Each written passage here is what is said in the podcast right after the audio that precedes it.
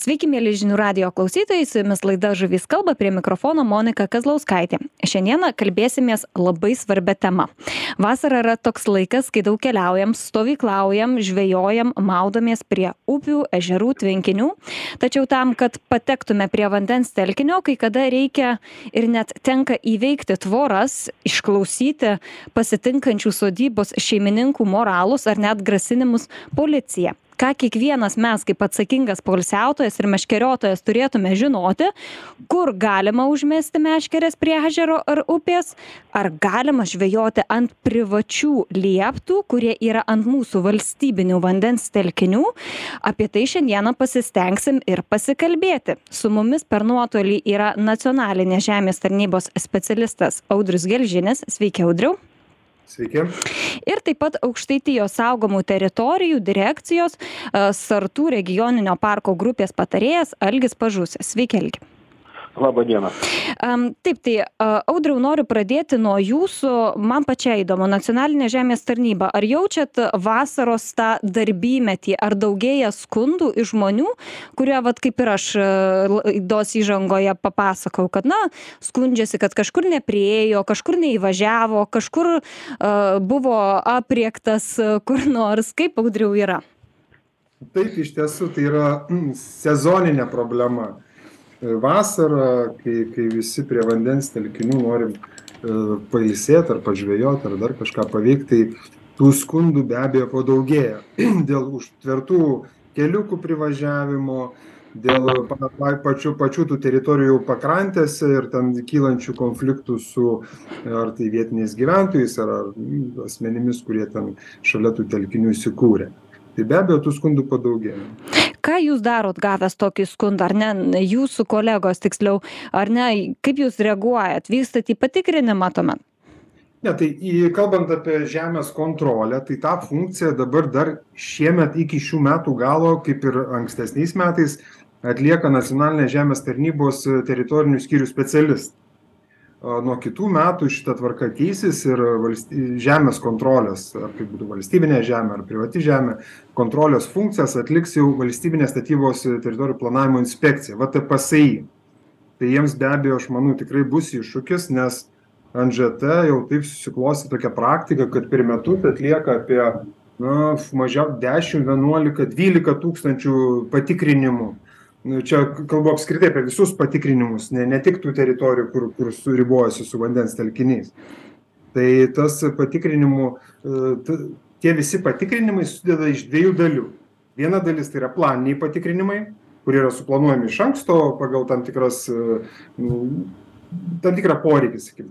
O kita dalis antra dalis tų patikrinimų tai yra būtent va tokie kaip jūs ir sakot pagal skundus nes žmonės e, susiduria su kažkokia problema rašo skundą į nžt teritorinį skyrių ir nžt teritorinio skyriaus specialistai privalo reaguot mhm. gavę tokį skundą jie jį registruoja ir pradeda e, procedūrą jeigu vedėjas nusprendžia kad reikia atlikt žemės patikrinimą taip tai jūs tuomet jau važiuojat bet ar jūs vėlgi kaip ir prieš laidą kalbėjom ar jūs turit įspėti tos vat pavyzdžiui situacija konkreti žvejas atvažiuoja randa kažkokią kelio užkardą ar ne? Jis jums parašo piktas laišką ar ne? Ir ką jūs tuomet darot su tuo žemės savininku kuris užsitvėrė kelią privažiuoti prie upės jo tai ta procedūra e, žemės naudojimo patikrinimo procedūra yra la labai detaliai ir aiškiai aprašyta teisės aktuose. Tai gavę tokį skundą jį registruojam skyriaus vedėjas priima sprendimą atlikt pavyzdžiui žemės naudojimo patikrinimą.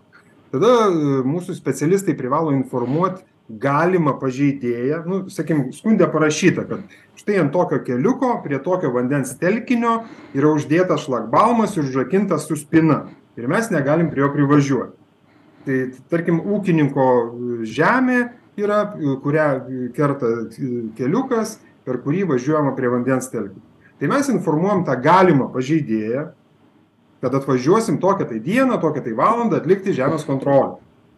Nu ir gavęs tokį tokį tokį reiškia mūsų pranešimą tas galimas pažeidėjas dažniausiai tai būna kad tiesiog tą užtvarą atidaro arba atrakina ir atvykę mūsų specialistai numatytu metu to pažeidimo neužfiksuoja. Tada grįžta biurą sustato aktą kad pažeidimas nefiksuotas mhm. praeina savaitė mėnuo ir vėl skundas. Ir čia ne tik su vandens telkiniais tai e, tas žaidimas katę pelę jisai e, daugeliu pavyzdžiui per vėlines būna ypač regionuose kaimuose kur yra likusios senos kapinės ūkininkų laukuose kur privažiavimas irgi kažkoks kaimo keliukas ir ir ten kad nevažinėtų reiškia tie ūkininkai irgi dažnai būna kad užsitveria ir žmonės turi klampot ten kilometrus iki tokių. Tai čia yra labai labai kaip sakyt sena žinoma problema ir ir ji yra iš tiesų labai ydinga visom prasmėm nes ir tas žmogus kurį tie žmonės kurie skundžiasi jie savo nu neišsisprendžia ta problema jinai kartojasi Mhm. Ir Bet jūs... savininkas tos teritorijos, per kurį eina tas vienas ar kitas keliukas, iš kurio tas šlagbalmas yra, arba ten sako, iš čia ne mano šlagbalmas, jis be šeimininkis, tada dar kitą procedūrą įsijungia. Ir, ir galų gale, sakykim, ir tie mūsų ta, tarna, valstybės tarnautojai, tie NGT darbuotojai, jiegi vieną kartą važiuoja, antrą kartą važiuoja, tai supraskim, tai biudžeto lėšos, tai ir transportas, ir jų darbo laikas, ir viskas veikia taip neefektyviai. Tai mūsų specialistai jau nežinau prieš penketą gal metų mes siūlėm e, pataisas e, teisės aktuose kad tą procesą truputį paefektyvinti bet e, iki seimo jau kai daėjo reiškia šitas klausimas tai mm, jis nebuvo priimtas tas pasiūlymas kad mes galėtume arba nebūtinai mes tarkim vtpsi dabar specialistai turės atlikinėt valstybės kontrolės tas funkcijas kad jie galėtų neinformuot galimo pažeidėjo ir tokiu būdu užfiksuot tą pažeidimą reiškia nu netikėtai sakykim tai tas buvo atmestas toks mūsų pasiūlymas. Mo atmetimo motyvas argumentas buvo tada toks daugiausiai kaimo reikalų komiteto aplinkos apsaugos komitete vat kas politikai išsakė tai kad jų nuomone nekorektiška būtų reiškia be į privatų sklypą lįsti be sklypo savininko žinios nu va tai taip ir kabo tas klausimas. Mhm bet realiai to tuomet padėtis be išeities ar ne? Žmogus informuojamas jisai kada reikia atidaro e, kada reikia vėl užsidaro. Tai realiai sprendimo tokio kol kas ir nėra ar ne? Kaip va tam žmogui privažiuoti prie to vandens telkinio arba jis prie šlagbaumo pasilieka ir tada dešim kilometrų arba penkis ten jau priklausomai nuo vietos eina pėsčias. Bet ar jis pėsčias vėlgi gali eit tada irgi dar vienas klausimas. Sprendimų yra labai daug ir įvairių. Nu tarkim yra seniūnas yra vietinė bendruomenė. Tai žinot tuos klausimus jie gali spręstis ir savo rate siaurąja prasme. Yra mes matom ir kitokių nu sakykim jau labai kūrybiškų arba kaip čia sakyt drastiškų sprendimų kai galima pasiimt benzopjūklą eit paupiu ir išpjaut visas tujas tai tų sprendimų gali būt įvairių aš nežinau čia tiesiog mhm gerai noriu į pokalbį įtraukti algį. E, jūs darbuojatės aukštaitijos saugomų teritorijų direkcijoj konkrečiai sartų regioniniam parke. Aukštaitija apskritai yra labai ežeringas kraštas labai daug ežerų yra. A, daug kas dabar ir važiuoja vasarą ten ir žvejoti poilsiauti stovyklauti. Tai kaip yra su tuo priėjimu prie valstybinių a, vandens telkinių? Kur žmogus gali prieiti kur jis gali pavyzdžiui statytis palapinę dugnines mestis dugnines meškeres be sąžinės graužaties kad nebijotų kad kažkas ateis ir jį apšauks kad čia žvejot ar stovyklaut negalima. Žūklė ir stovyklavimas tai yra su kaip praktiškai vos ne tas pats bet tiktai žmogus pasirinkdamas ką jisai nori veikti atvykęs į prie į į sakykim prie vandens to telkinio turi pats apsispręsti. Dabar sakykim va kaip mūsų sartų regioniniam parke yra vandens telkiniai ir tikrai bėda yra kaip vandens telkinys yra valstybinis o aplinkui vien privačios žemės. Tai taip čia ne ne visus vandens telkinius tai liečia bet dalį jų.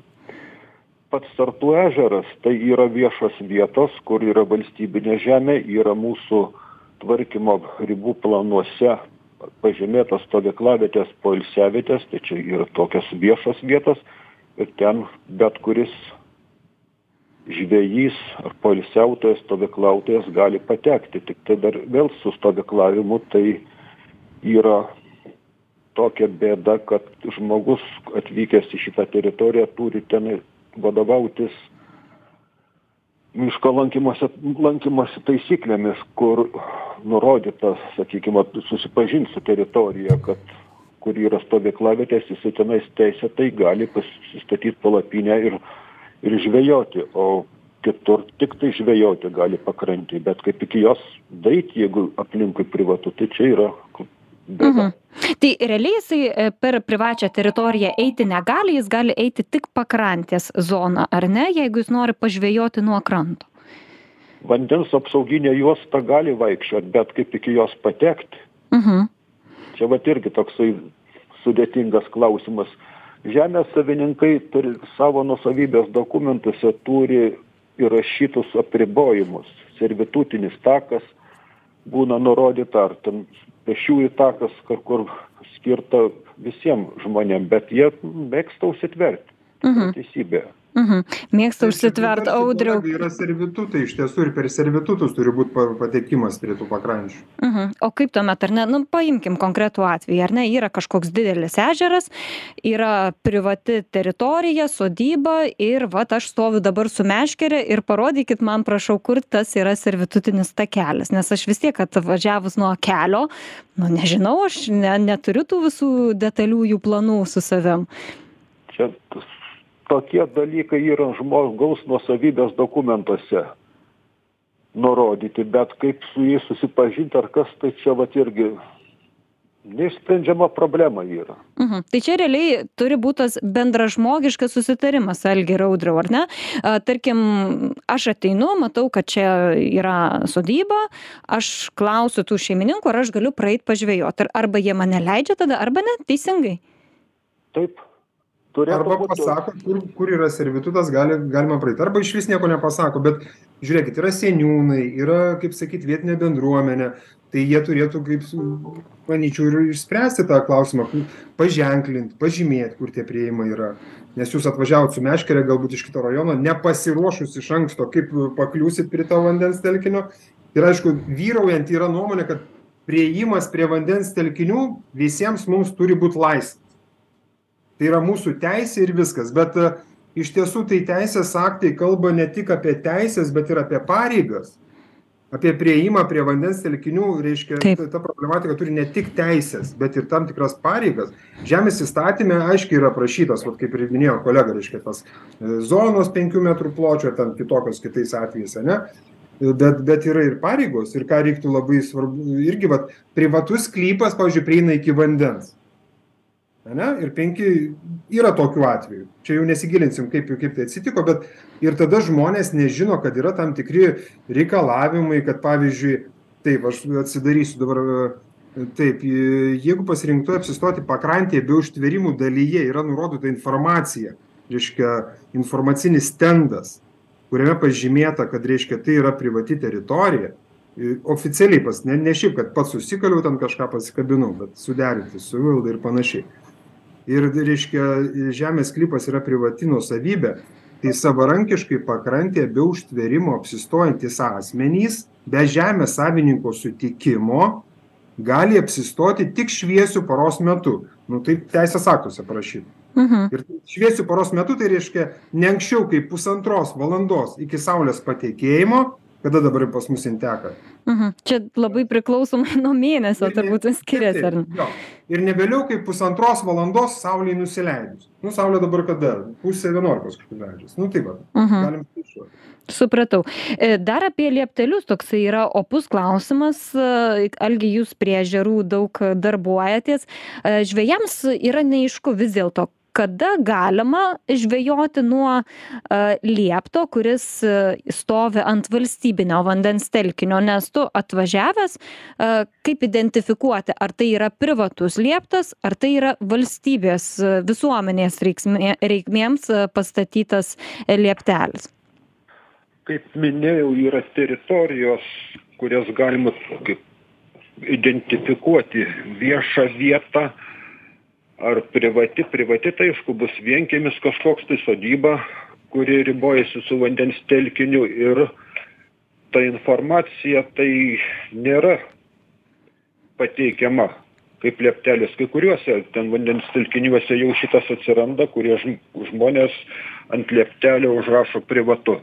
Be abejo tai privatininkas jeigu įsirengia ar sodybos šeimininkas įsirengia tą vandens telkinyje lieptelį tai jisai galbūt ir nelabai norėtų kad kažkas tai juo naudotųsi. Bet čia turėtų mano galva būt lygiai taip pat ir patekimas ir naudojimas lieptų abipusis susitarimas tiek lankytojo tiek savininko. Ir gero ir geranoriškumas be abejo Mhm. Ir kaip suprantu, jeigu turime sodybą prie, prie ežero, mums yra privalomas leidimas ar nestatyti slėptelį. taip aš apie kitus va sakykim tuos abstrakčiai šnekant bendrąja ta prasme negalėčiau labai komentuoti bet saugomoj teritorijoj van vandens telkinyje galima įsirengti lieptą čia konkrečiai šnekant apie sartų regioninį parką tiktai toje vietoje kur žemės sklypas ribojasi su vandens telkiniu ir yra sodyba. Jeigu taip sakykim žemės ūkio paskirties žemės bet koks ar kitas sklypas ir jeigu tenais nėra gyvenamojo namo su priklausiniais tai liepto įsirengti negalima Mhm. Ir yra tokia įdomi situacija, tam pačiam ir Sartų regioniniam parke buvo sklypų, kurie buvo žemės ūkio paskirties, bet jie tampa namų valda. Ar yra sudėtinga tai yra pakeisti, ar tai vėlgi kažkaip bandoma apeiti ir kaip va taip atrodytų vienos paskirties sklypas tampa kitos paskirties sklypu? Ne, tai yra mūsų tvarkymo planas, ribų planas ir jeigu, sakykime, kad ir žemės ūkio paskirties sklypas yra gyvenamojoje zonoje, yra ten teritorijų planavimo pro, rengimo procedūros, žmogus pasikeičia paskirti ir tada gali statytis ir įsirengti lieptą. Tai Mhm. yra teisiškai viskas reglamentuota. Taip, ir dar audriau noriu į jūs kreiptis. Vienas pinigautojas piktas buvo, parašė man laišką, sako, ėjau žvejoti upėtakių ir prie vieno upelio rado e, elektrinį piemenį ūkininko nutiestą taip, kad jau praktiškai prie upelio sudėtinga prieiti, jau sulik vos ne upelio riba, o kitoj vietoj net jau skersai upelio eina tas elektrinis piemo. Tai ar čia e, ūkininkas nepiknaudžiauja šiek tiek? Tai šitą situaciją iš tikrųjų turbūt geriau pakomentuotų aplinkos apsaugos specialistai nes jeigu kalbėt apie nacionalinės žemės tarnybos e, kom specialistų kompetencijos ribas tai buitiškai šnekant mes galėtumėm ka kalbėt apie tą penkių metrų apsaugos juostą va čia tai mūsų ūkis mūsų daržas kur mes vat kaip ir jūs siuntėt ten e, plungėj ar kur ten buvo Mhm, taip. kur sakėt kai kur užtverta tai ten situacija yra kaip e, pasi pasitikrinom dabar reiškia aplink tą tvenkinį yra sukurta labai daug rekreacinių teritorijų su poilsiavietėm poilsinėm su staliukais ir visa infrastruktūra ir panašiai bet dalis to tvenkinio pakliūna į gyvenamą zoną. Ir ten na kaip ir vat sakot žmonės buvo kai kur užsitvėrę bet buvo atliekami vat mu nu irgi tokiu pat būdu. Kažkur planiniu būdu kažkur pagal skundus patikrinimai ir ir vat pernai kur vyko jau paskutiniai tie patikrinimai aplink tą tvenkinį tai pažeidimų su aptvėrimais mes neaptikom o o reiškia kas jau kitoj vietoj ten ar elektrinis piemuo eina per tą tvenkinį ar ne čia jau žinot nu negalim s kaip sakyt lįst ne į savo daržą Aha, supratau. A, Šitoj vietoj turim padaryti trumpą pertraukėlę, dar daug aktualių klausimų turim, pabandysim juos apžvelgti jau po pertraukos. Niekur nepabėgit, likit su žinių radiju.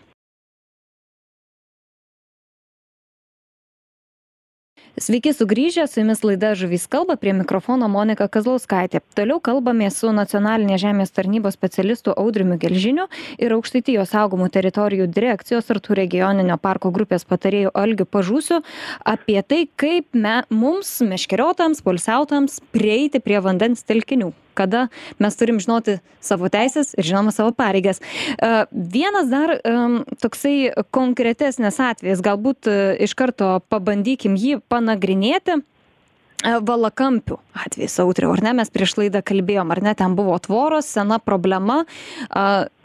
Kaip dabar ten yra, galbūt jūs žinot, kaip ten žmonėms prieiti išsimaudyti prie vandens?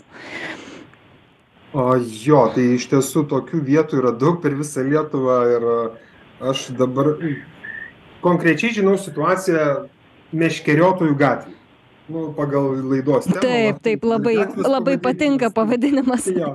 Tai iš tiesų istorija yra kokia. Nu, visos istorijos jos labai dažnai būna panašios, jos kartojasi, tai per vieną pavyzdį papasakosiu. Ne? Tai e, prieš e, kokį penketą, ten aštuonetą metų gavo skundą mūsų teritorinis skyrius, kad yra tvora.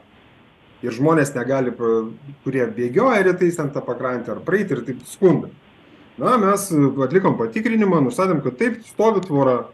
Pradėjom aiškintis. Registrų centre išsitraukiam duomenis. Tvora įregistruota turi unikalų numerį statinys legalus. Tada bandom aiškintis kieno ta tvora. Ta tvora niekieno tada kreipėmės į šitą į vtpsi dėl kadangi registruose užregistruota buvo pagal vtpsi sprendimą o vtpsi buvo išdavęs sutikimą tvorai statyt dar tuo metu kai nžt nebuvo apskričių laikais labai labai senai. Ir tas įregistruota. Kadangi tvora niekieno mes kreipėmės kad savivaldybė pripažintų tvorą bešeimininkių turtu ir tada kai yra bešeimininkis turtas galima jį utilizuot na ta istorija galų gale dakeliavo ir ten iki prokuratūros ir taip toliau. Jau ma maksimum ir praėjus vat kiek čia metų nuo septynioliktų aštuonioliktų tai buvo istorija.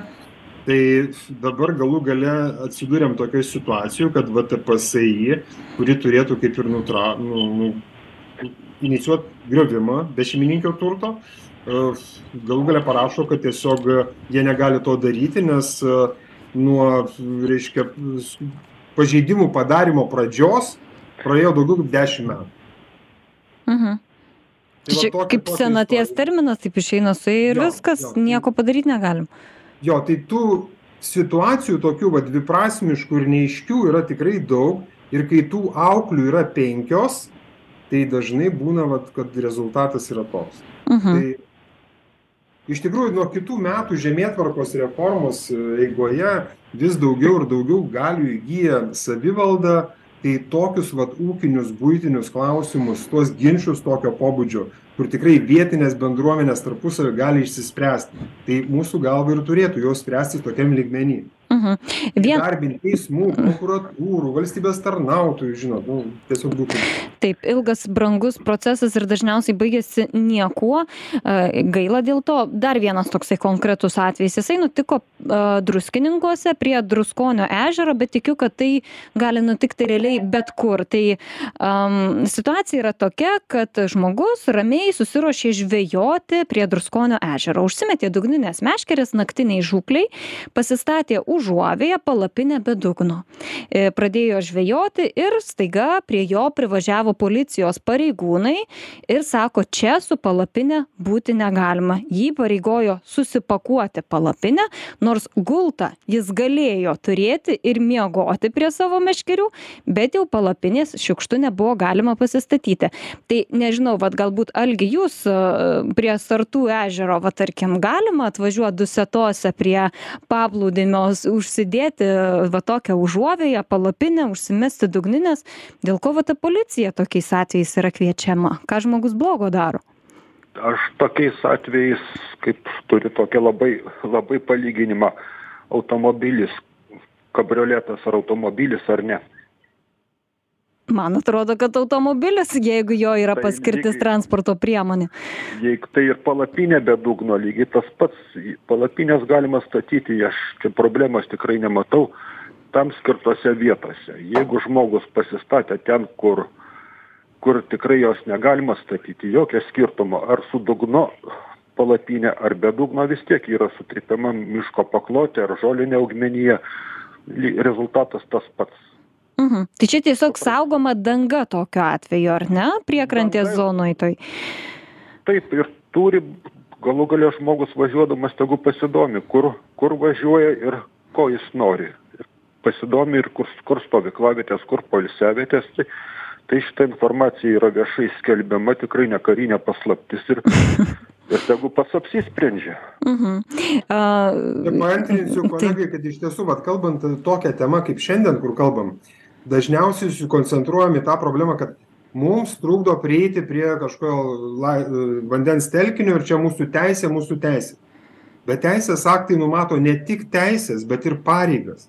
Saugomų teritorijų vat įstatymė, kur kolegos čia kompet- sritis, kaip sakyt, tai tikrai asmenų teisė naudotis pakrantę be užtverimų ir ten apsistoti yra neatskiriama nuo pareigos. Nuo pareigos užtikrinti kad apsistojimo toj vietoj kur jis apsistoja aplinka nebūtų teršiama atliekomis kad nebūtų vat pažeidimai kaip ir kolega minėjo reiškia ir ta paklotė ir panašiai kad būtų surinktos šiukšlės taip pat nu vat tai vat šit šitą išugdžius žmonėm kad yra greta šalia te teisių yra ir tam tikros pareigos ir manyčiau iš dalies ir spręstųsi tos problemos. Mhm. Bet žmonėms turbūt susidaro toksai įspūdis, kad, na, tų privačių sklypų aplink ežerus ar upių pakrantės vis daugėja, ar ne? Natūralu, kad žmonės nori įsikurti prie vandens.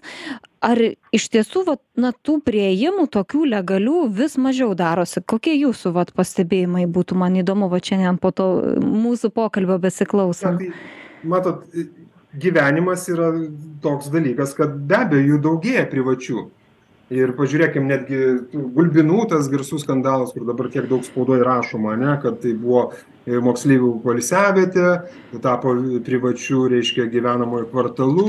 Tai taip taip ir tokių pavyzdžių yra labai daug ir laurų kvartalas ar kiti kvartalai tai buvusios poilsiavietės. Bet tai tas konversijos procesas ta konversija sakykim iš vieno pobūdžio į kitą jinai vyko nu galbūt galimai sakykim šiek tiek chaotiškai ane neplaningai nesuplanuotai neapgalvotai. Ir dabar mes turim tam tikrų problemų. Jeigu jūs sakot žmonės skundžiasi kad trūksta priėjimų prie vandens telkinių tai aš žinau a yra teisės aktai numatantys e, paėmimą visuomenės poreikiams žemės.